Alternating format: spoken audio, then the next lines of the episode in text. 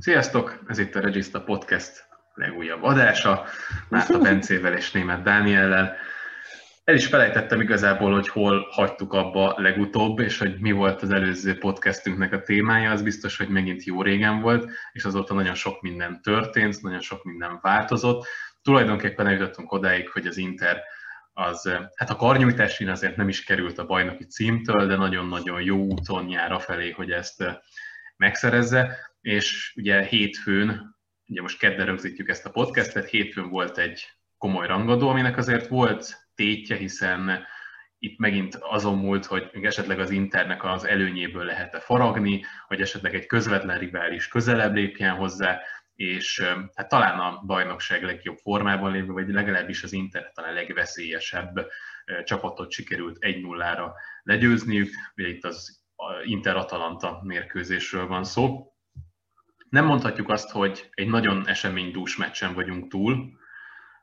Kis túlzással azt is lehet mondani, hogy Conte beparkolta a buszt, és aztán egy szögletet követően pedig a másik oldalon azért csak beütöttek egy gólt. De hogy láttad ezt a meccset? Uh-huh. Ennek a meccsnek a jelentőségét azt nem lehet felülértékelni. Hiszen, hogyha megnézzük, hogy az Inter kikkel játszott itt az elmúlt hetekben, és kikkel fog a következő négy fordulóban, egészen a Nápoli elleni meccsig ilyen Bolonyák, meg Sassuolo van, meg Kájári, tehát ilyen csapatokkal játszik.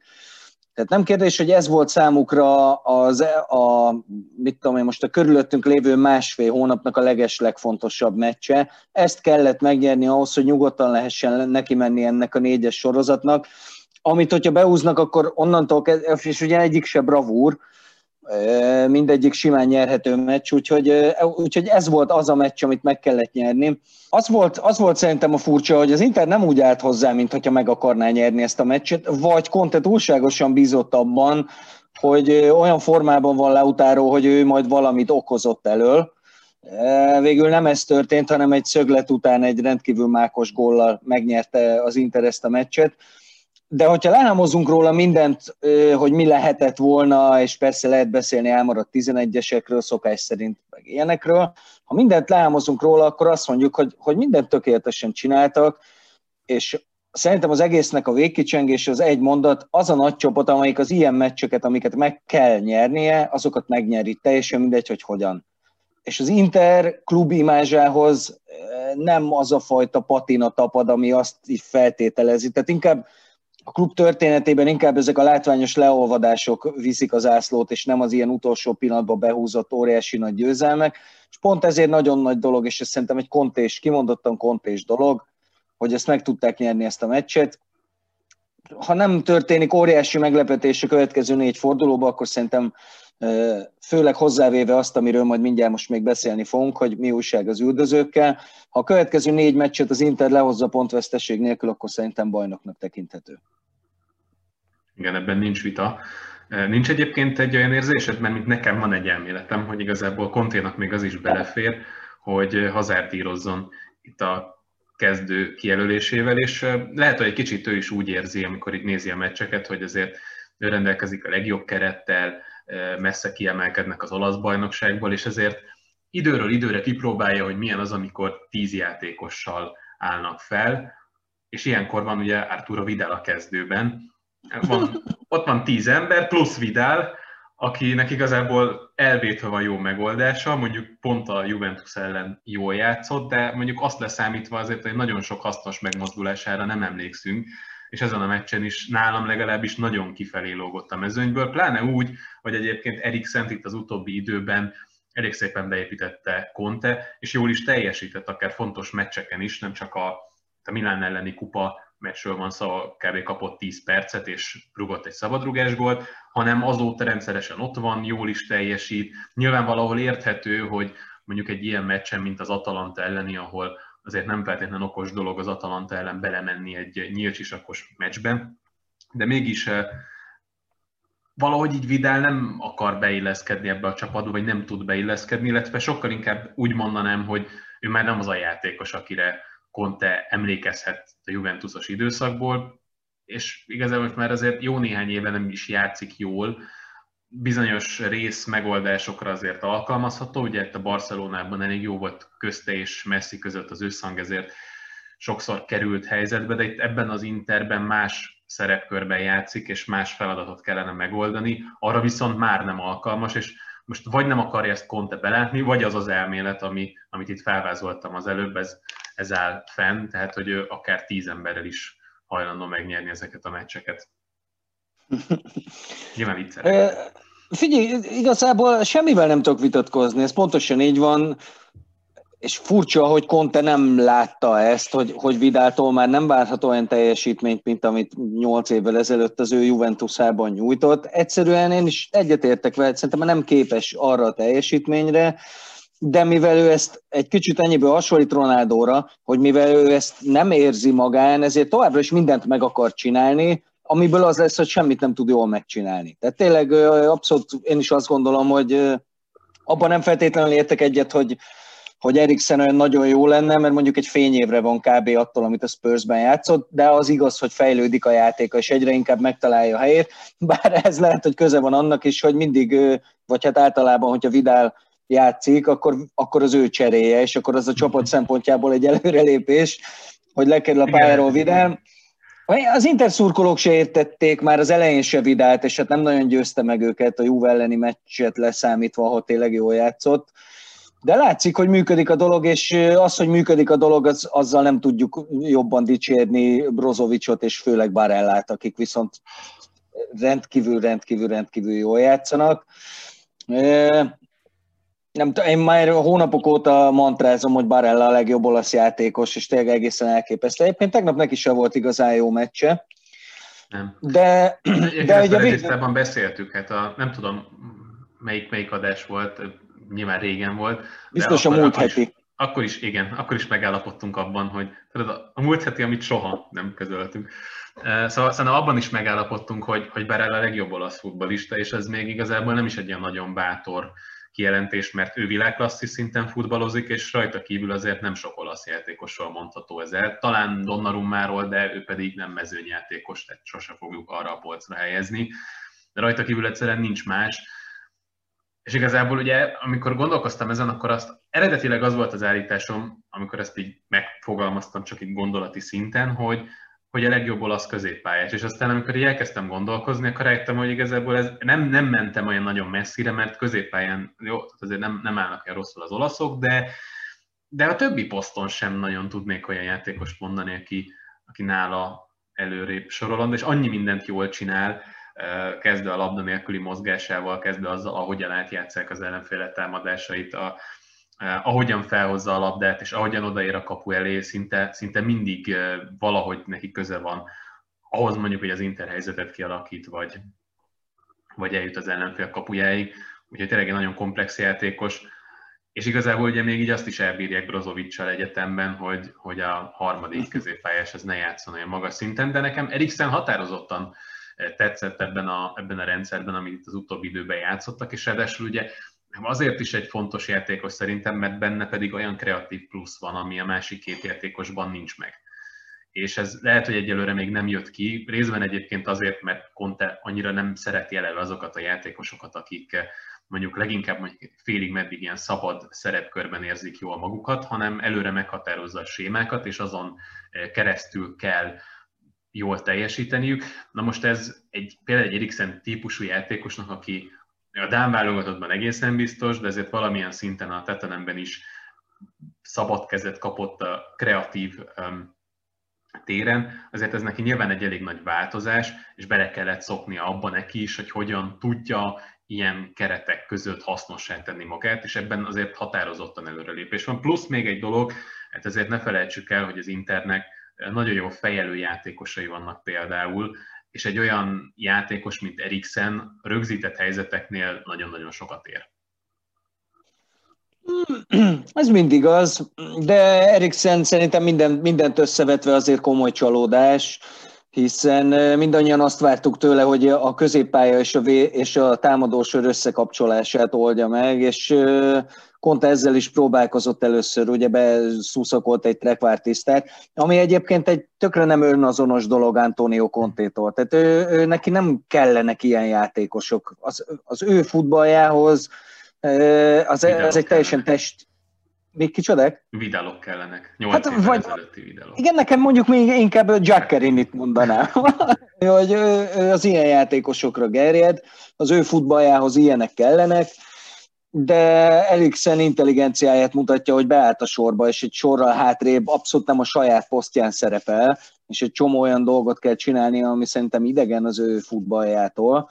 De beállt a sorba, csinálja. Szerintem ez, ez tipikusan olyan dolog, mint amikor Leonardo-t beállított szobát festeni. Vagy hát nem tudom, tehát hogy nem, nem, erre, nem, erre való, nem erre való a csávó, de megoldja valamilyen szinten ezt is. Nem kérdés amúgy, hogy oda fog igazolni az Inter egyrészt, másrészt meg ami a legeslegfélelmetesebb az az, hogy állítólag megkezdődtek a tárgyalások Gossenszel, és ott a bal oldalon is lesz egy Hakimiük. Atya úristen, mennyire bitang jól fog ez kinézni. Hát, hogyha Conte marad a szezon követően, mert hát, igen.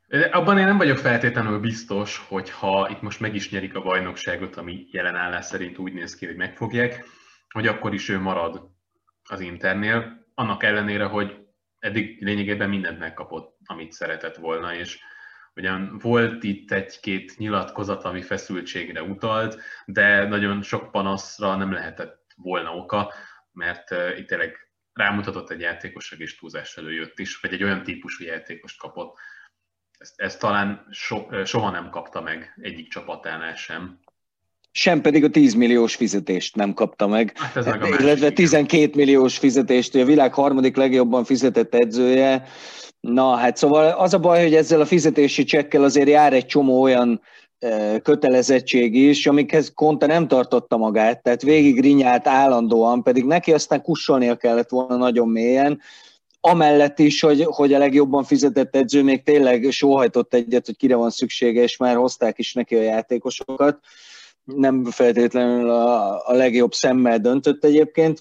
Ez mondjuk egy érdekes kérdés, hogy, hogy marottáékkal ők hogyan dolgoznak együtt. Az biztos, hogy az ő érkezésével páros lábbal beleszállt Marottába azzal, hogy egyből közölte, hogy Icardinak, Perisicsnek, meg Naingolánnak kívül tágasabb, és innentől kezdve olyan nagyon sok pénzre nem is lehetett számítani három játékosból, de kontét ezek a dolgok nem érdekelték, nem érdekli szerintem olyan különösebben. Nyilván a renoméjának nem tesz jót, de nem zokogott véres könnyeket az európai kiesés miatt sem.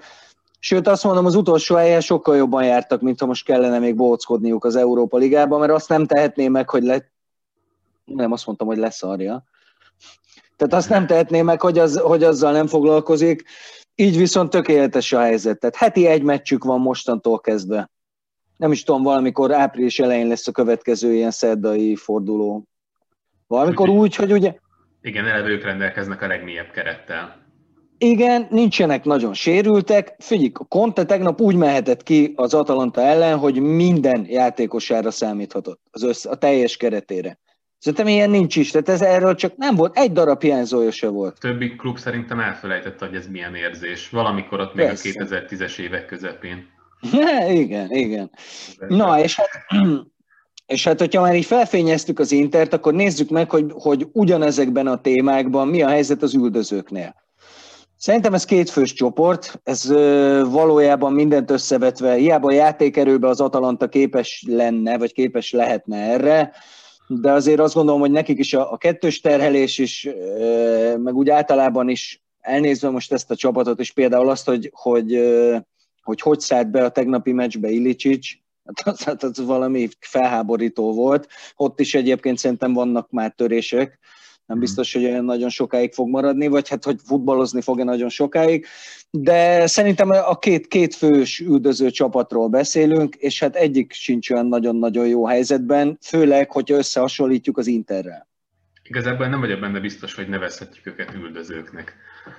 Tehát, hogy mennyire tekinthetjük üldözőknek azokat, akiknek leginkább hátrafelé kell pillantaniuk, hogy, hogy ott hogy jönnek fel, mert azért ugye volt egy időszak a bajnokságnak, amikor úgy nézett ki, hogy például a Láció le fog maradni, talán az Atalantával kapcsolatban is így volt, bár azért sejtettük, hogy nekik jön majd egy ilyen időszak, amikor sorozatban megnyernek 10 meccset 5-0-ra, és visszajönnek ebbe a buliba, tehát hogy őket kár leírni, de, de ott ugye még a Napolival lehetett esetleg számolni, őket, őket most már itt talán kifelé lehet húzni itt a top 4-es harcból, de még ezzel is óvatosan mennénk. De ami a lényeg, Szerintem hogy... a Lációt is, amúgy. Szerintem a Lációt is. Hát, hogyha most kiesnek a BL-ből, akkor utána megint nekik is csak egy sorozatra kéne koncentrálni, és azért az, az láttuk, hogy elég nagy különbséget tud jelenteni náluk, tehát amikor folyamatosan sorozatterhelés van, akkor, akkor kijön az, hogy gagyi a védelem és a kispad, viszont hogyha csak a bajnokság van, akkor meg képesek megoldani a feladatot és, és megnyerni a meccseket. Meglátjuk persze, tehát nem állítom, hogy ott lesznek a top 4-ben, de leírni sem feltétlenül írnám le őket. Itt a Napolival kapcsolatban is óvatos vagyok, és egyedül a, az a rengeteg sérülés, és az a több fronton megtörni látszó, um, akár összhang is, gondolok itt erre az Insigne féle kirohanásra, jöhet képbe de nem is erről akartunk beszélni, hanem, hanem arról, hogy azért ott a, a top négyért folytatott küzdelem az elég szorosnak tűnik. Tehát én azt gondolom, hogy, hogy a, a Milánnak mindenképpen hátrafelé kell pislognia, de abban sem vagyok várj, Várj, várj, várj, várj. Szerintem miatt belemennénk a Milánba, meg a Juve-ba, most már elkezdtük, akkor nézzük a, a, a, a haladjunk végig. Abszolút egyetértek, amit a Nápoliról mondtál, bár nagyon nehéz megmondani, hogy mi a baj, túl azon, hogy ott is sok kulcsjátékos van, nagyon rossz formában, Kulibálit tudnám elsősorban említeni. Ez azért nagyon fontos volt, hogy a védelme jól működött. Maximovic szerintem mindig is rossz védő volt, hát Manolesnak meg az egyetlen uh, igazán Gyors. fontos készsége, a sebessége volt, és már nincs. Tehát, hogy már azért az is megkopott. Most pont a legutóbbi fordulóban láthattuk a Sassuolo ellen, hogy a százezredik percben csinált egy ilyen ostoba 11-est. A Lációval kapcsolatban még annyit tennék hozzá, hogy, hogy igazad van teljesen abban, amit mondasz, csak azt se felejtsd el, hogy már túl, hogy túl vagyunk egy iszonyú megrendítő szezonnak a kétharmadán. Tehát a Juve ellen 20 percet bírtak, és onnantól kezdve gyakorlatilag közük nem volt a meccshez. A Láció borzalmasan készen van.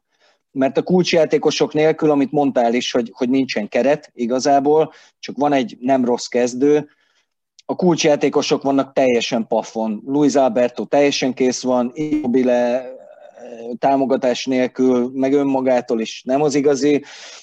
Milinkovic Savic jó, és általában jól is játszik, de hát ugye azért, az, az azért kevés. Ja, róla kevesebbet beszéltünk ebben a szezonban, pedig uh, itt most tehát a fű alatt azért az egyik legjobb középpályás az olasz bajnokságnak. Ugyan ezért nem mondom, hogy a legjobb, mert ott van Barella, aki azért ezt a címet ezt simán elviszi, de mögötte szerintem simán Milinkovic Savic a legjobb, és akkor a kérdés az, hogy, hogy ő meddig akar maradni a Lációban, mert azért látszik, hogy ennek a projektnek itt van a plafonja nagyjából, be tudnak jutni a nemzetközi porondra, viszont hogyha már ott is komolyan szeretnék venni a küzdelmeket, akkor ott gondok vannak. Mm. És azért Milinkovic Savic pedig annál jobb játékos talán, hogy egy top 4-ért küzdő csapatban legyen meghatározó játékos, és nem akarok ötleteket adni, mert sem az Inter, sem a Juventusban nem látnám szívesen, de hogyha Olaszországon belül gondolkozik, akkor ez a kettő lenne számára Igen. logikus lépés, ahol nem a nem BL-ért kell, nem a BL indulásért kell küzdeni, hanem, hanem konkrétan mondjuk a BL-ben is, vagy nemzetközi porondon is komoly eredményt elérni. Igen. Én amúgy Kessiét is elérakom és talán még Lokatellit is, sőt Brozovicsot meg biztosan. De Kessiét száz százalék, mert ő, ő ilyen Barella szintű, még hogyha nem is ugyanaz azért a két poszt. És akiről nem beszéltünk még itt az üldözők közül, az a Róma, akiről szerintem nem is nagyon érdemes üldözőként beszélni. Látszik ez, tehát most hétvégi fordulóban néztem a, néztem a meccsüket, és tényleg az jutott eszembe, hogy, hogy hogy ez már egy kicsit méltatlan, ami így történik a Rómánál. Hogy ez, hogy ez annyira nem jó, és valamiért annyira nem akar összeállni, hogy, hogy teljesen felesleges róluk üldözőként beszélni. Nyilván az egy fontos kérdés, hogy mit csinálnak a közvetlen riválisok, mert valójában el tudsz vergődni a negyedik helyig úgy is, hogy csak a, az alattad lévő csapatokat vered meg, a fölötted lévők meg szétcsapkodnak. Vagy hát az ilyen rangodónak... Ez, ez, ez nagyon érdekes, hogy, hogy akik mögöttük vannak, azokat talán a legmagabiztosabban verik az összes közül, mert még, még, még az Internél is volt egy időszak, amikor benne hagytak pontokat olyan csapatok ellen, akik ellen nem lett volna szabad, és azért a Rómánál egyszer-egyszer előfordul, de azért az esetek túlnyomó többségében verik, akit verniük kell, és aztán utána jön egy rangadó, ahol annak rendje és módja szerint kikapnak. Ezzel együtt, mondod, a pontok többségét azért a középmezőny és a kiesők ellen szerzi, a, szerzi mindenki, tehát ezzel oda lehet akár érni a Európába biztosan, de akár a bajnokok ligájába is. Mhm. Hát igen, oda lehet. Nem, csak hogy mondjam, azért, azért Fonszékának is megvoltak a maga problémáit menet közben. Szerintem az egy kulcsfontosságú dolog, hogy Diavara visszatér és beépül ebbe a csapatba. Pont most, amikor egyébként Veretu kidől mellőle, pedig ez, lenne, ez lehetne a Róma játékának az egyensúlyára a megoldás szerintem hogyha középen Veretú és, és Diavara játszanak, mert ugye próbálkozott ott VR-ral, szerintem ő nem megfelelő, próbálkozott Pellegrinivel, akinek egy sorra előrébb van a helye, az kell, hogy oda két olyan játékos kerüljön, aki nem botlik el a labdában, de közben gyors is tud ütközni, és meg tudja állítani az ellenfél középpályáját. Lehet, hogy másképp beszélnék róla, plusz, hogyha lenne egy centerük, mert úgy látszik, hogy ez a Fonseca Jake Alfér, ez, ez Borja Majorát a kezdőbe delegálta, ami azért minden csak nem jó hír a Rómának. Igen, csak Diabere kapcsán el kell találni, hogy hány éves, és akkor utána nem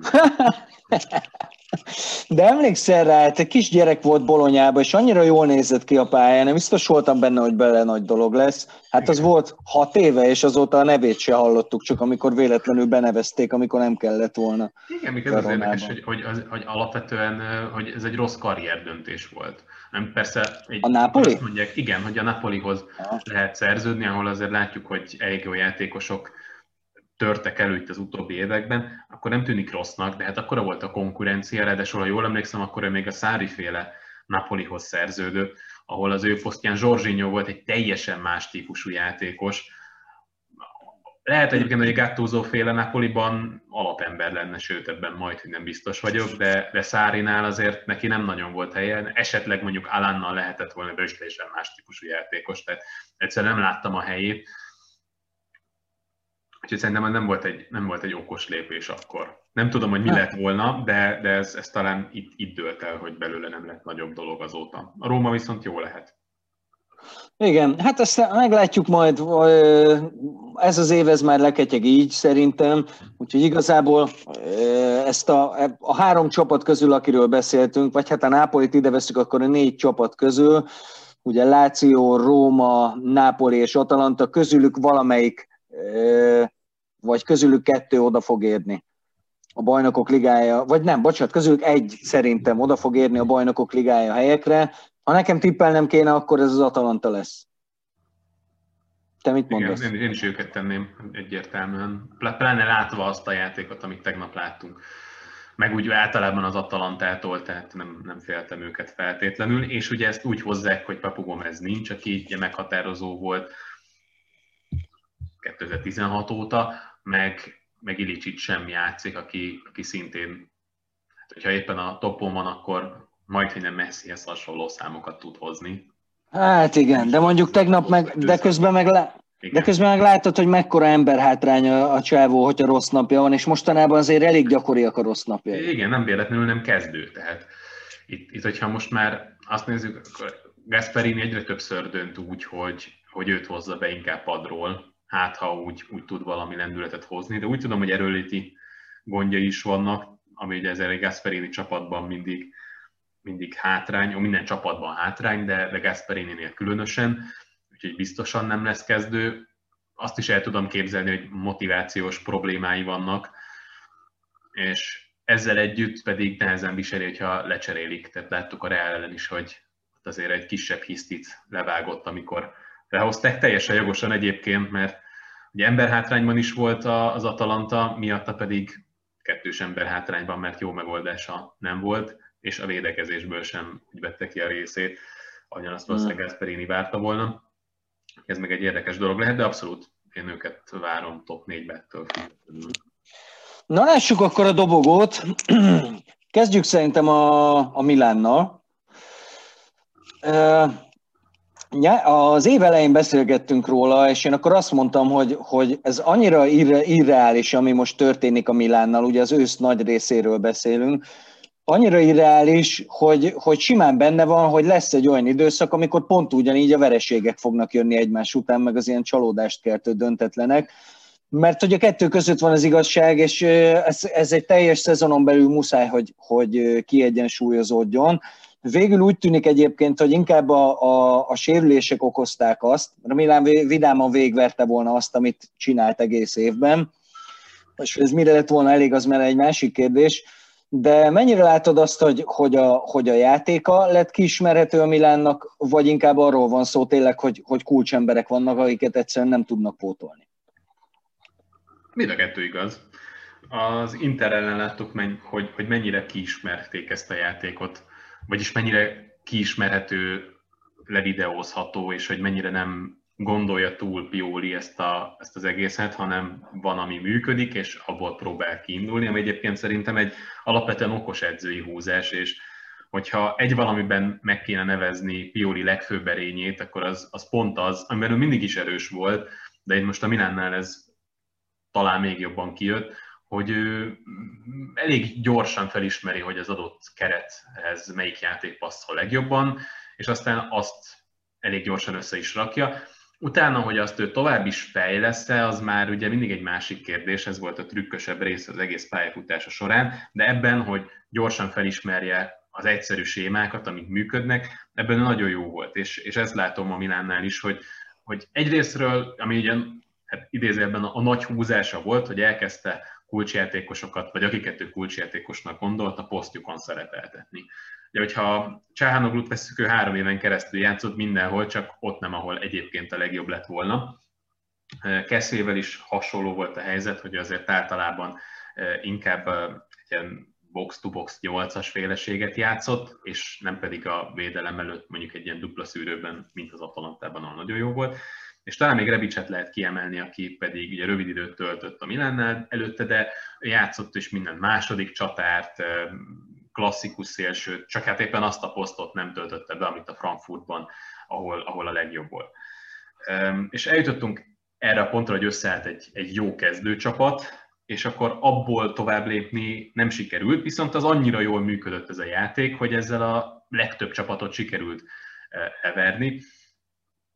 És aztán ugye utána jöttek a problémák, hogy itt már nem arról volt szó, hogy hogyan lehetne ezt továbbfejleszteni, hanem hogy éppen ki egészséges, ki tudna pótolni az éppen hiányzó játékosokat, és fura módon ennek ellenére is működött a dolog. Tehát, hogy nem nagyon lehetett tovább lépni, hogy nyilvánvaló minőségbeli visszaesés volt egy csomó poszton, és nem arra gondolok egyébként, amikor Ibra hiányzott, mert azért az ő jelenlétével teljesen más a, a Milán játéka, hanem arra gondolok, hogy itt például Benasser játéka kiesett elég hosszú időn keresztül, sőt, tulajdonképpen nem is láttuk őt egész évben, pedig már lehetne a Barella Milinkovic-Savic kategórián belül, nálam még mindig Milinkovic a második, tudom, hogy ebben nem értettél egyet, de, de simán lehet ebben a kategóriában, és azért, hogyha mondjuk egy ilyen hármasból indulunk ki, egy jól teljesítő Csáhanogluból, aki azért azóta, hogy visszatért a Covid-ból, azóta nem voltak jó meccsei, az elsőt leszámítva, ahol csereként állt be,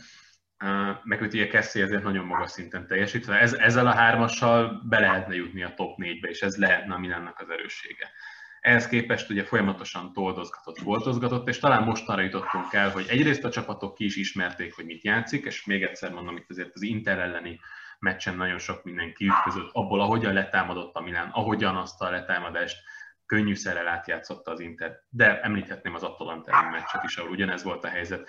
Nem volt ez túl bonyolítva, próbálták a labdás ember támadni, körbevenni, és erre megvoltak a sémái, mind az Atalantának, mind az Internek, amit könnyen átjátszottak, és onnantól kezdve azért, hát miután nem feltétlenül a leggyorsabb védői vannak a Milánnak, ezért ez egy elég sebezhető védelem tud lenni, amikor például a futóversenyre eh, kényszerülnek. Belekapaszkodok ebbe, amit mondtál, hogy eljutottak egy szintig, és hogy innen tovább kellene valahogyan lépni. És én egy kicsit azt gondolom, hogy ez, hogy ez innentől kezdve már nem sara, hanem egyszerűen ez kb. a maximum, ami ebből a keretből a játék erejét elnézve kihozható. Részint egyetértek. Ugyanakkor, amire gondoltam itt például, hogy nagyjából ugyanazt a letámadás sémát használja Milán onnantól kezdve, hogy így elkezdte komolyan venni a letámadást. És azóta nem nagyon láttunk változtatást ehhez képest, és azért, hogy ezt nagyon sokszor eljátsz, egy, egy darabig nyilván működik. Viszont most már elég sok példát láttunk arra, és nem tudom egyébként, hogy ez feltétlenül a három védős rendszerekhez köthető-e, mint hogy az Inter és az Atalanta is azt játsza, és könnyűszerrel tudnak létszámfölényes helyzetet kialakítani hátul, ami mondjuk egy, földön történő labdakihozatalnál elég hasznos tud lenni, de, de azon belül nem nagyon volt változás. És, és ez szerintem pont kiderült az Inter ellen, hogy mennyit ér. És egyébként tartok attól, hogy ez például majd az Európa Ligában is ki fog derülni, hogyha ott nem változtat, vagy nem próbál legalább egy pici csavart beletenni ebbe, hogy, hogy ne ennyire egyértelmű legyen, hogy mit szeretne játszani a Milán, akkor lehetne ezt továbbfejleszteni, de egyébként nyilván az alapoknak meg kell maradniuk, és azért nem azt gondolom, hogy, hogy ennél lényegesen több lenne abban, amit kiosztak, mert egyébként pontokban szerintem abszolút a maximumon pörög ez a csapat, és ennél több abszolút nem lenne ebben. Szóval de ennek ellenére én azért vártam volna azt, hogy egy, egy picit próbálja ezt mégis tovább gondolni, de, de nyilván igazságtalan lennék, hogyha ezt feltétlenül Piolira húznám rá, nem is ez volt a szándékom, csak hát ugye a, a kérdés az úgy szólt, hogy, hogy kiismerték ezt a csapatot, és ebben azt gondolom, hogy, hogy azért igen a válasz, még hogyha nem is feltétlenül mindenhol ez volt a, a gyengébb teljesítménynek az oka. De például az, hogy, hogy itt rangodókon nem teljesített úgy, a Rómát azt tegyük ki, a, a Milán, ahogyan, ahogyan előtte, az szerintem ennek köszönhető elsősorban. Mert ők meg tudják oldani, mert, mert van elég minőség hátul, vagy, vagy, vagy, vagy akár a játékrendszerből képesek ezt, ezt megoldani.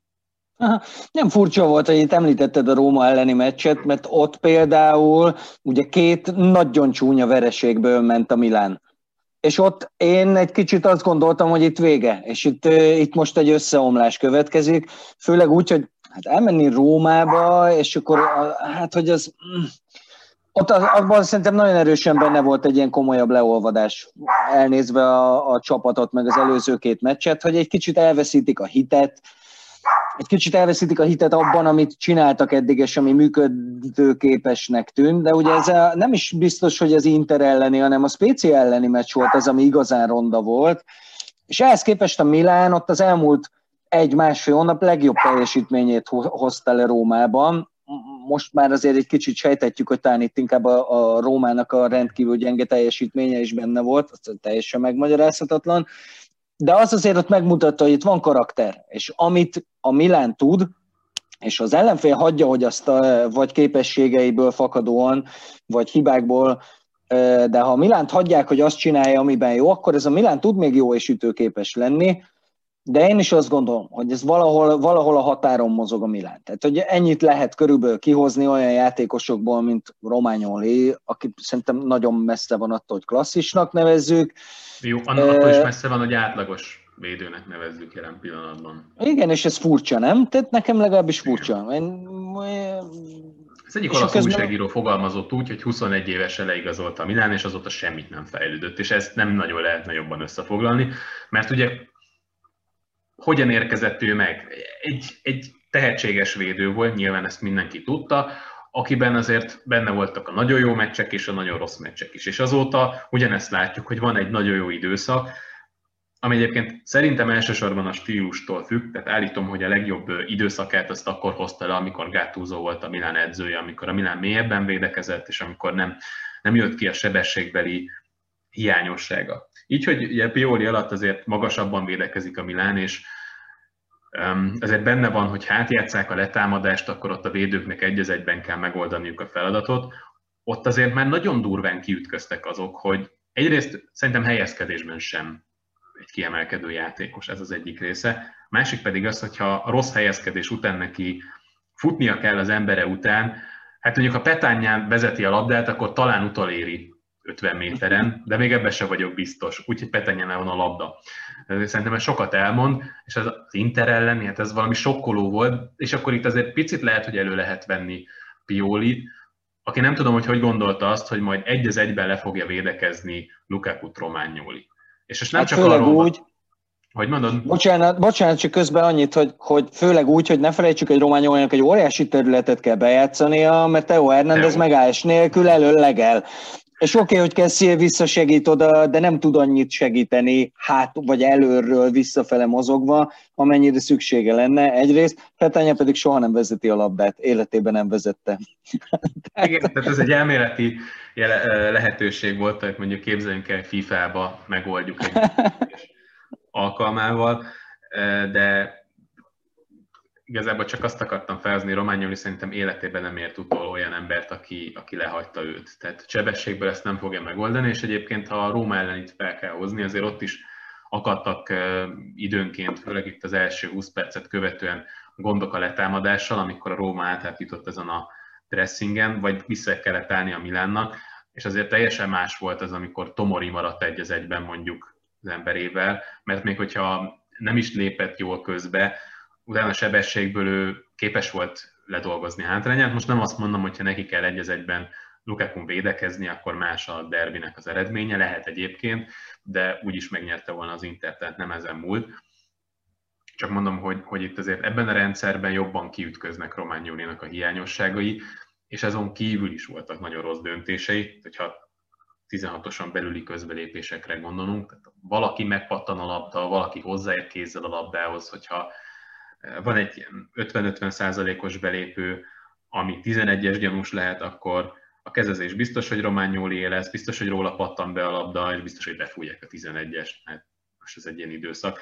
És hogy ez azért is érdekes, mert neki rövidesen lejár a szerződése, tehát időszerű lenne a Milánnak elgondolkozni azon, hogy szeretnének-e rábízni még egy újabb szerződést, ami ezért fontos, hogy a 26 éves, tehát hogyha most szerződést adnak neki, akkor az azt jelenti, hogy nem az eladásán fognak gondolkozni, hanem ezt a, ezt a négy évet vagy öt évet, amit kötnek fel, azt ki fogja tölteni, és hogy állítólag Rájóla 6,5 millió szerződést szeretne kicsikarni, ami hát egy szok vicces, mert nem tudom, az olasz bajnokság 56. legjobb védőjének szeretne kicsikarni egy olyan szerződést, ami hát még valószínűleg Delikt mögé helyezni a sorba. Most így nem tudom fejből, hogy ki mennyit keres a védők közül, de gyanítom, hogy, hogy ezért olyan nagyon sokan ennél nem keresnek többet, tehát hogy a második helyen vagy a harmadik helyen nincs képességekben és tudásban, az egészen biztos. Úgyhogy ha rajta múlna, akkor biztos, hogy megpróbálnám értékesíteni. Persze az a kérdés, hogy kifizet értéki bármennyit is, mert jelenlegi formájában 10 milliót nem ér. Igen. Igen, de közben meg azért azt látod, hogy, hogy, hogy ennek a Milánnak a gerince rendben van, az a kérdés, hogyha visszaáll az élet a normál kerékvágásba, akkor, akkor ki lehet egészíteni úgy, hogy egy más játékra is. Szerintem egy, egy kicsit nekem elavult ez a, a, a, ez a szélső játék, amit a Milántól látunk. És nyilván a letámadásnak egy borzasztó fontos része, de a támadójátékon szerintem olyan nagyon sokat. Nyilván ott van Ibrahimovic, akkor, akkor nem felesleges mert a 16-oson belül még 30 sok évesen is nagyon-nagyon jól mozog Ibra, ha nem is gólt szerez, lefejelgeti a labdákat, 11-eseket harcol ki, stb. De, de, de egyrészt kiismerhető a játék, másrészt pedig hát nem modern. Ez, ez nem egy modern dolog. A széleket, mert szerintem a modern futballt játszó csapatok a széleket azokat a szélsővédőkkel játszák be, és ez megnyit, igen, és ez megnyitna egy csomó dolgot, ráadásul ugye a Milánnál ez abszolút adott, és nem is Teo Hernándezre gondolok, akiről tehát itt minden adásban elmondom, hogy egyáltalán nem szeretem a játékát, nem is tartom igazán, nem hogy klasszisnak, de még jó balhátvédnek se. A másik oldalon viszont egy egészen kiváló példát látunk Káfú, arra. Calabria.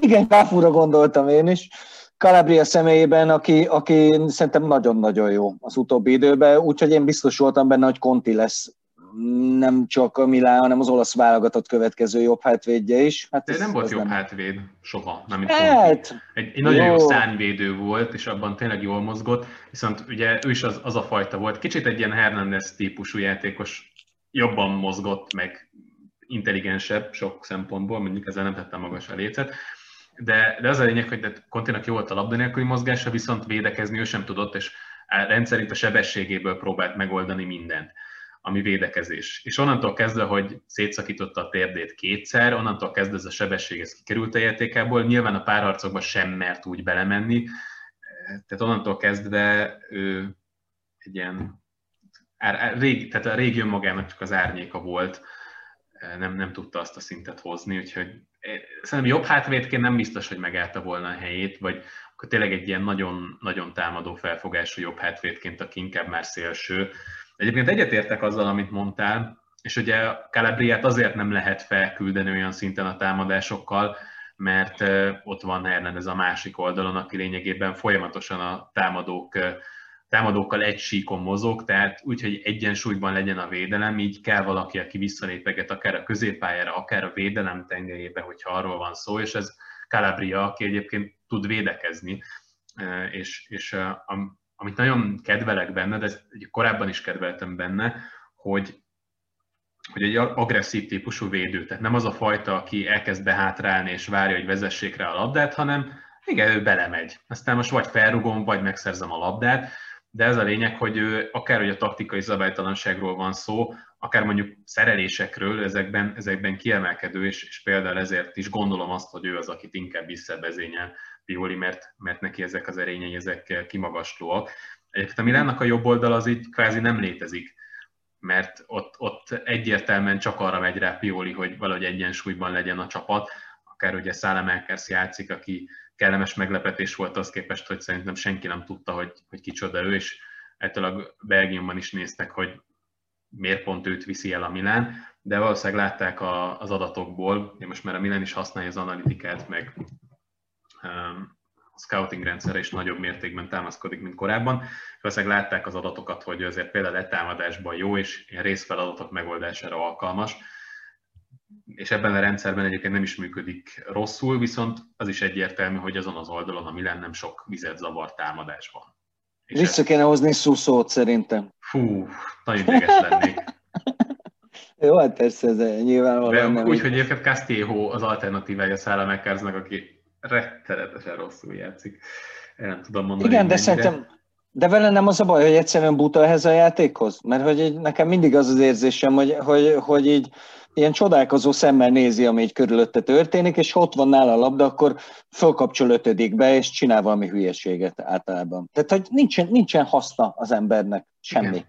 Hát ugye letámadásban volt még az elején, de így, hogy Szálemekker szabban is jobb, itt neki nagyon sok keresni valója nincs ebben a csapatban, ami egyetértek. Az az igazság, hogy azért van egy-két ilyen játékos a van, aki nem érti, hogy mi történik körülötte, és így nem hát. feltétlen a legélesebb kés a fiókban. Ám egyébként Rebic is ez a kategória. Hát... Ö... Meg Leo, de kicsit hát. más szinten. Teo Hernandez pedig a, szerintem a legbutább futbolista, akit valaha láttam. Ugye, vagy így játékintelligencia terén és nyilván topligás szintről beszélünk, tehát ezek a magyar bajnokságban találnánk olyan embert, akik csak arra bíztattak, hogy szélen futkározzon, és sebességét kihasználva próbáljon a védelem mögé kerülni, de Hernandeznek igazából ez egyetlen egy erénye, hogy gyorsan fel tudja hozni a labdát.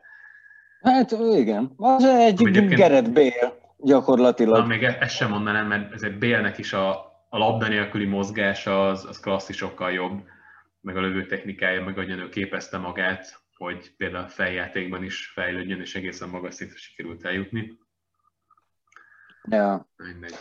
Na, egy dolgot kivesít... akartam még, egy dolgot akartam Na, még mondani a Milán kapcsán, és aztán átérhetünk a Juventusra. Ez pedig ez az Ibra nem Ibra kérdés. Ugye időről időre felvetődik, hogy miután a Milán kevesebb pontot szerez akkor, amikor Ibra a pályán van, hogy egyáltalán szüksége van rá a csapatnak, és szerintem az Udinéz elleni meccs mutatta meg legjobban, hogy miért van szüksége. Nem is feltétlenül Ibrára, de egy Ibra típusú játékosra. Tehát egészen egyszerűen, hogyha nincs ő a pályán, akkor a Milán nem tud a kapunak háttal játszani. Mert nincs olyan embere, aki ezt képes lenne betölteni, Mandzukicsot leszámítva, akik ugye láttunk eh, kétszer 20 percen keresztül, és aztán megsérült, ki tudja mikor térhet vissza viszont, viszont Ibra az a játékos, akire fel lehet lőni a labdákat, és például egy olyan csapat ellen, mint az Udinéze, amelyik területet nem fog hagyni, hanem mélyen vissza védekezni, akár három belső védővel, ott, ott szükség van egy ilyen erős középcsatára, akire, akire fel lehet ívelni a labdákat, mert Leo, aki ugye ez a fajta játékos, akit be kell mozgatni a védelem mögé, és aztán, hogyha lendületből tudja vinni a labdát, akkor nagyon veszélyes tud lenni. Őt nem fogják arra használni, hogy, hogy ívelgetik középre a labdát, mert tud fejelni, de azért ő nem fog fizikálisan párharcokat nyerni. Igazából Na, de látod, a... És pont az egyenlítés abból jött, hogy tulajdonképpen megnyert egy pár harcot. A, igen, az igen. agyon nyert. De egyébként abszolút igazad van, és én azért gondoltam azt, hogy Mandzukic egy nagyon jó igazolás lesz, mert ő meg, ő meg egy ilyen csapatba való. Igen. Tehát csapatember részt, kiveszi a részét a védekezésből, jól nyomja a labdapressinget is, és mellé még gólokat is lő. Hát ez a fél év azért megpofozta, még nem volt csapata, meg hát nem fiatal, és nem egy Ibra típusú játékos. De még nem, mond, nem mondjuk még ítéletet, de azért ő... Lehet jó azért... egyébként. A, valószínűleg mostanra utolérte volna magát fizikálisan, mert az látszódott az elején, hogy neki voltak erőléti gondjai, pláne önmagához képest, ami nem csoda, hogy a fél évvel nem játszott egyáltalán, és hiába próbált edzeni, ezért az más, de meglátjuk. Azért ő, ő nagyon kéne még mindig azt mondom, pláne akkor, hogyha van egy ilyen típusú csapat, mint az Udinéze, akár kipróbálni azt is, hogy két középcsatár Mandzukicsal és Ibrával, és azt védekezzék le. Úgyhogy feltolni a szélsőket, próbálják a beadásokra.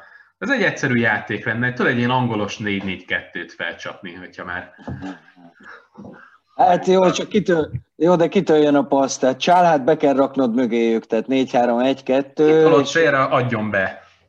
Hát igen, mert azt szeret. Tehát nem lőni szeret, hanem beadni, olyan stác.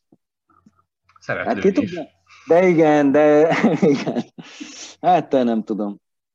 Na, kicsit jóvézzunk, mert én azért nem tudom, hogy elfogultság miatt, de továbbra is azért azt gondolom, hogy a, a, az Internél is inkább tekintik ö, ö, talán kihívónak, vagy a legnagyobb ellenfélnek a Juventus, még annak ellenére is, hogy ők vannak még hátrébb.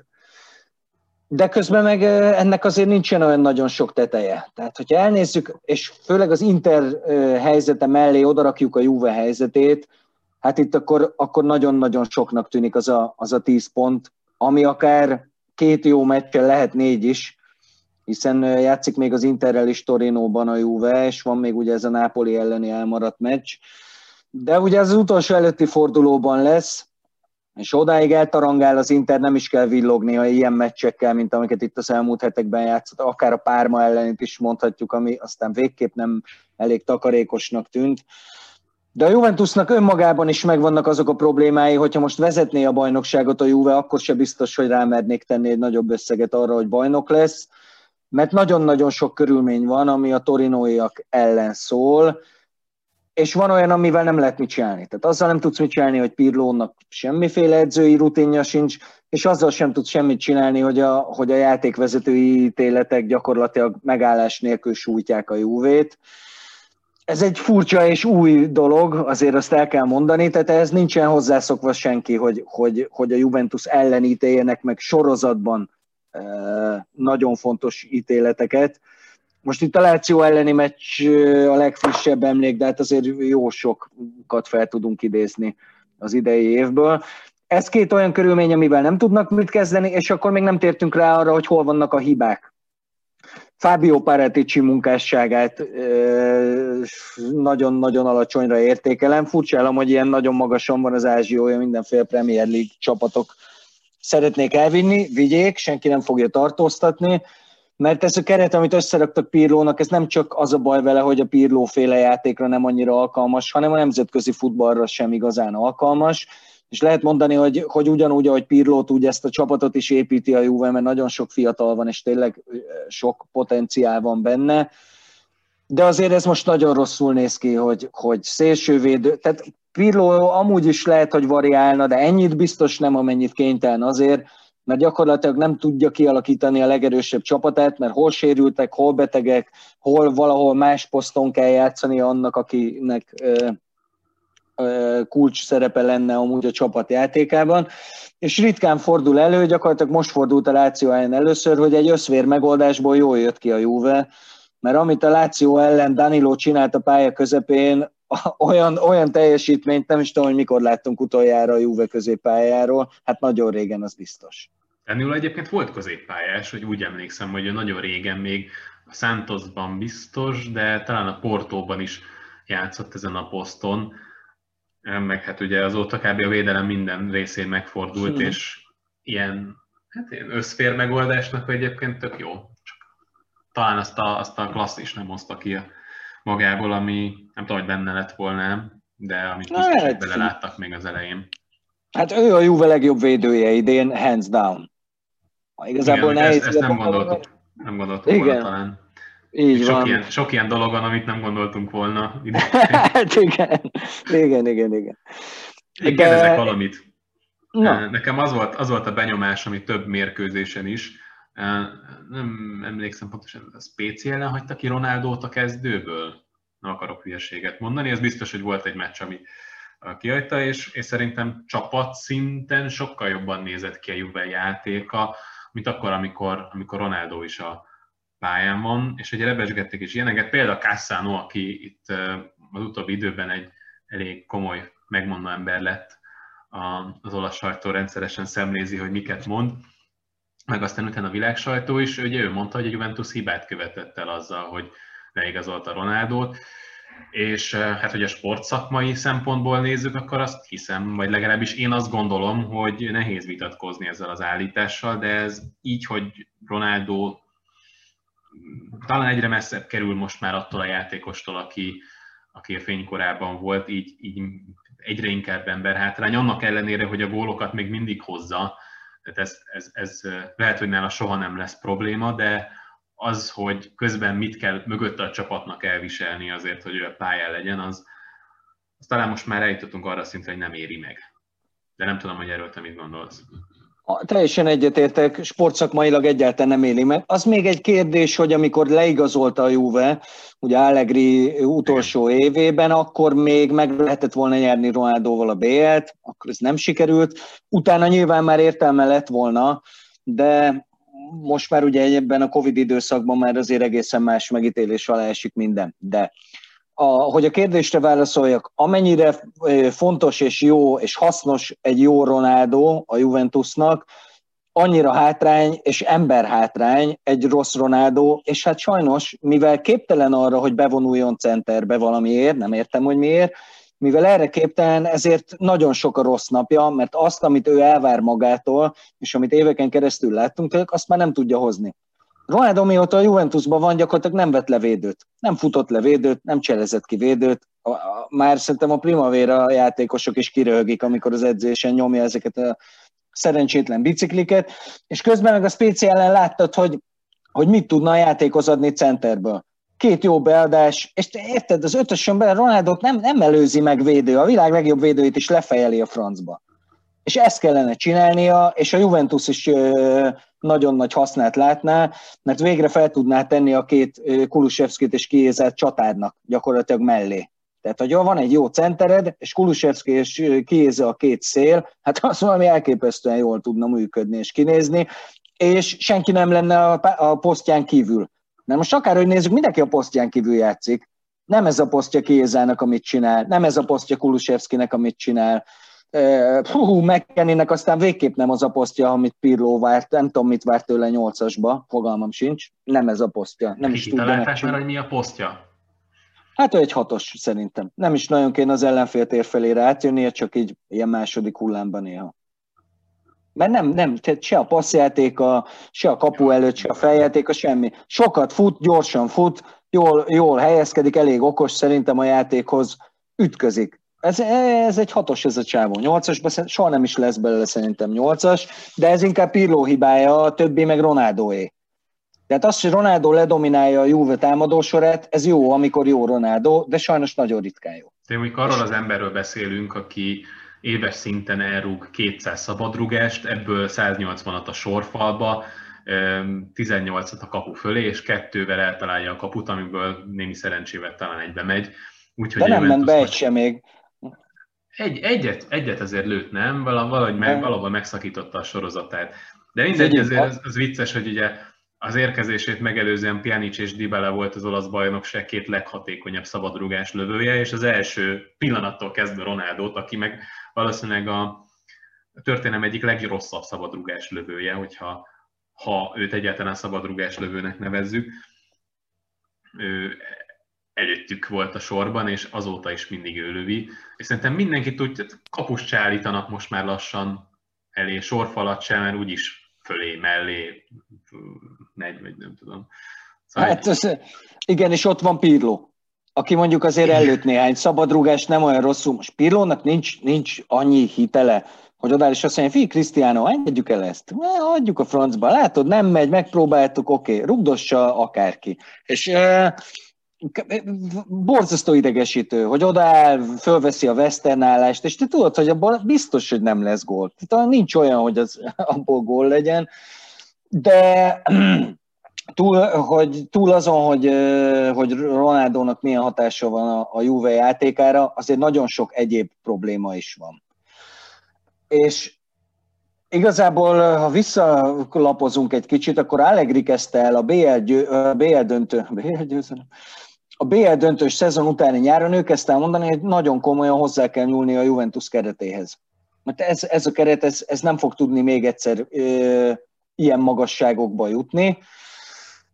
És igaza volt mindenben, igaza volt Dibalába, igaza volt a védőkbe, Bonucci-ba aztán végképp igaza volt, és, és most látszanak ezek a dolgok, hogy a Juventus olyan középpályával áll föl, ami amúgy a Sassuolo szintje körülbelül, vagy mondjuk, a, mondjuk egy jobb szezont futó Lációnak a középpályája. Bocsáss, bocsáss meg, Locatelli jobb, mint bármelyik Juventus középpályája. hát sajnos így van.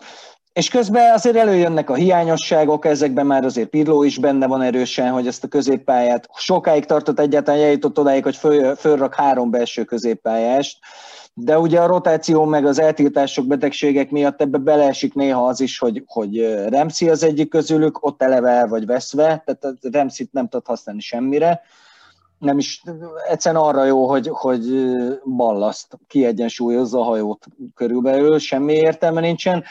És közben, és közben, hát, nem, mert ő szerintem hazamenne az Arzenába biztos jól tudna focizni, mert amúgy Remzi egy kurva jó játékos. Ez, ez egy nagyon-nagyon jó focista, egyszerűen ez, ez nem működik ez a dolog.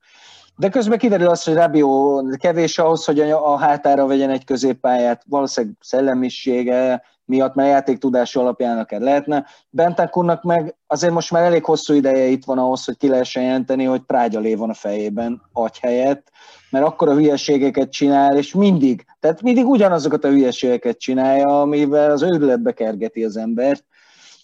Úgyhogy nagyon sok probléma van, és még egyszer mondom, ugye az Interhez mérjük a dolgokat, és hát nem úgy tűnik. Tehát itt, itt ilyen óriási milánói leolvadás kellene ahhoz, hogy, hogy akár a Juve, akár a Milán odaérjen. És én ilyesmire nem számítok. Érdemes úgy újjáépítésről beszélni, hogy kicsit ugye bizonyos értelemben Pirlóval ez megkezdődött, de hogy ebbe szerinted beláll a Juventus? Azt mondva, hogy akkor most kezdjük el a, az idősebb játékosokat kipakolni, értékesíteni, mondjuk Dibalát, és, és mondjuk hozni ebből a pénzből olyan játékosokat, főleg a középpályára, akik hosszabb távon is meghatározóak lehetnek, és mondjuk ha nem is feltétlen jövőre, de két év múlva mm, visszaszerezheti az első helyet az olasz bajnokságban, feltételező, hogy idén nem nyeri meg a Scudettót, és esetleg rövid időn belül, de BL-ben is meghatározó legyen újra Juve, mert ugye mostani állapotában, és akkor talán rá is térhetünk itt a nemzetközi meccsekre, mert hogy a Juventus elveszítette az első meccsét a Porto ellen, kettő egyre kikapott, és nem is nézett ki igazából jól a Juve, bár ugye két elég szerencsétlen gólt kapott, amit persze ő szerencsétlenkedett össze, és aztán a végén... Apropó Trágyalé Bentancur fejében. Igen, igen. E, és, és aztán a végén e, Kiéza, ugye? Kiéza, szokás szerint. Villant egyetek. Egyébként most már kijelenthetjük, hogy elég jó igazolás volt, és benne abszolút most már látni ezt a klasszist, aki a Fiorentinában eltűnni látszott, bár ha jól emlékszem, Fernandez is jól kezdte a jó és pályafutását. Nagyon jó. Aki, aki hogy is muzsikál most bal hátvédként? De lett volna egy-két jó meccse. Nem, nem gúnyból kérdezem, de tényleg lett volna egy-két vállalható meccse. Kettő. Kettő. Az előző hát azért kettő. az már több, mint ami volt előtte másfél éven keresztül. Bár. Nagyon jól mondod. Még pontosan ez a helyzet. Tehát én már el is engedtem, hogy ott abból valaha is lesz még valami, Remzi szinten.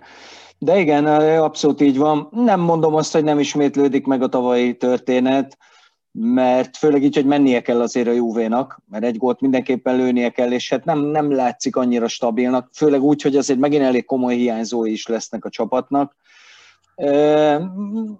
Teljesen megfoghatatlan. Tehát láttuk az elmúlt hetekben olyan teljesítményt a Juvétal, amivel meggyőződésem, hogy ki tudja ejteni ezt a portot, és láttunk olyat is, amivel esélye nem lesz, és kettős vereséggel fog kiesni. Nehéz megmondani, mert ugye megint egy, egy olyan felállást kell a pályára küldenie Pirlónak, amit talán még sosem tett. Nem tudom, hogy Danilót megpróbálja újra a középpályán. Ahogy játszott, nem lepődnék meg rajta. De közben meg az mondjuk mellett, a Juve mellett szól, hogy ugye lesz már Artur, aki nagyon rosszul szállt be mondjuk a hétvégi meccsbe, de független lettől azért azt a letámadást, amit ö, látszik, hogy abszolút megéri a Juve ellen, hogyha nincs Artur a pályán, abszolút megéri letámadni a Juve-t, mert képtelen kihozni a labdát. A vége úgy is van, hogy vagy Bentán kurad egy gólpaszt az ellenfélnek, vagy segbe rúgja valamelyik védő a labdát így, hogy Artur a pályán van, így azért egy kicsit más a helyzet, tehát lehet, hogy ez a tranzíciós játék egy kicsit jobban fog mutatni. Őszintén szóval nem mernék tippelni. Viszont itt beszélgettünk még az adás előtt, és azt mondtam, hogy nem lepődnék meg azon se olyan nagyon, hogyha áprilisra nem lenne olasz csapat Európában, egy se. Igen, hát mondjuk a, komolyan mondom, hogy az Atalanta a legközelebb a BL-ben a továbbjutáshoz azzal, hogy ami nem volt piros lap, ezt, ezt megállapodunk benne, vagy, vagy te úgy gondolod, hogy ki lehetett állítani Freilert? Én úgy gondolom, én, én tüzet okáttam, még másnap Igen, is, is miatta, és nem is csak azért, mert oké, okay, állíts ki te nyomorult gyökér a semmire, de utána Casemiro hogy a bánatban maradhatott a pályán? De ez arcára volt írva, hogy tudja, hogy ez piros lap, mindenki tudta, de... hogy piros lap, és na, jó, jó, jó, akkor azért mégis beszéljük meg, na, tehát ilyet nem. Igen. Na, jó, Biztos szóval... egyébként, és ez, ezen húztam fel magam, hogyha ez fordítva van, és Casemiro rúgja fel Zapatát a 16-os előtt a picsába, akkor az max sárga. Vagy megy tovább. Na mindegy, ezzel nincs mit tenni, mert Európában is él az, ami Olaszországban is, olyan nagy csapatoknak azért mindig többet lehet, de így, hogy az Atalanta szenvedte el, rettenetesen kiborultam rajta. Uh-huh. Még azt sem mondom egyébként elnézve ezt a Real Madridot, hogy annyira esélytelen lenne, mert ezek bár, bárhol, bármikor rúgnak hármakat. Egy jó Ilicicsel egyébként még azt mondom, hogy a, az Atalanta tovább juthatna. Meg Kicsit lehet, azt hiszem... Is. Csak lesz-e? Na, igen, kicsit azt hiszem, hogy a Ilicic lefőtt valamiért. Nagyon sajnálom amúgy, mert nagyon szerettem. Már Palermóban is. Igen. Hát ez De... kicsit mindig is benne volt. Csoda egyáltalán, hogy ez Gasperini kihozta belőle. Um, viszont én azt gondolom azért, hogy Juventus tovább fog menni, tehát a legjobb nyolc között lesz a BL-ben olasz csapat. Az Atalanta szerintem nem, de nem lesz tőle messze, és teljesítményben meggyőzőbb lesz talán, mint a Juve. Beszéljünk egy kicsit az Európa Ligáról, ami persze igen, megint idő? Hát nem időt kérek, hanem lassan kocognom kellene. Jó, jó, tehát tényleg csak két mondatot akkor erről, jó. hogy várunk-e bármit a, a még versenyben lévő olasz csapatoktól, ugye a Rómára vár a Shakhtar Donetsk és a Milánra a Manchester United, utóbbi azért egy papíron elég jól csengő párosítás, aztán gyakorlatban valószínűleg nem lesz annyira jó, de meglátjuk. Te mit vársz ezektől? Ah, hát a Róma Sáktár ez megtippelhetetlen. Nagyon furcsa lenne, hogyha a Róma így, hogy küzd a legjobb négyért ilyen jelentős erőket vonultatna föl. Bár ugye Dzsékot az Európa Ligára tartani Kolyák, amennyire látszik, úgyhogy akár még ki is jöhet egy-egy jó teljesítmény, de arra nem, azt nem merném megtippelni. Viszont a, a, a Milan Manchester-t azt megmerem tippelni, szerintem simán tovább jut a Manchester, mert nekik teljesen felesleges a bajnokságban bármivel is foglalkozni. A óriási az előnye a Citynek, viszont a, a top 4 az meg majdnem, hogy garantálható már nekik. Úgyhogy ők nyugodtan ráfekhetnek az Európa Ligára, a Milán meg ugye ne felejtsük el, hogy még megy a bajnoki címét. Tehát uh, itt, De és ez az, egy... Azzal lehet, hogy vitatkoznék, hogy, garantált a Manchester Unitednek a top 4, jól állnak, kétségtelen, de azért még bennük is érzem azt, hogy, hogy, hogy figyelniük kell hátra, meg talán van egy-két olyan csapat, amelyikben ennél több van, mint amit látunk, de ez az előjeles. Egyetértek, hogy a United az esélyesebb, nem feltétlenül ezért, mert hogy a Milan dobni fogja az el, szerintem nem. Pláne látva azt, hogy azért kérdéses, hogy meg lesz-e a top 4 Olaszországban, tehát nem feltétlenül szerencsés így gondolkozni, hogy jó, az Európa Ligát el lehet engedni. Bár szerintem nincs esélye Milánnak konkrétan arra, hogy megnyerje, de ez, ez a meccs, és ezért örülök ennek a párosításnak, mert ez mércéje lesz annak, hogy a Milánnak van-e bármennyi esélye arra, hogy megnyerje az Európa Ligát. Hogyha kiejt a United-et, akkor nyilván kijelenthetjük, hogy van, ha pedig nincs, akkor pedig jobb, hogyha viszonylag korán kiesik, és akkor koncentrált a bajnokságra, ahol valószínűleg több esélye van arra, hogy bejusson a bajnokok ligájába. Szerintem ez Jó lehet szó. zárszó, hogyha megegyezünk ebben. Köszönjük, hogy végighallgattátok. Találkozunk legközelebb. Jövő héten. Jövő héten.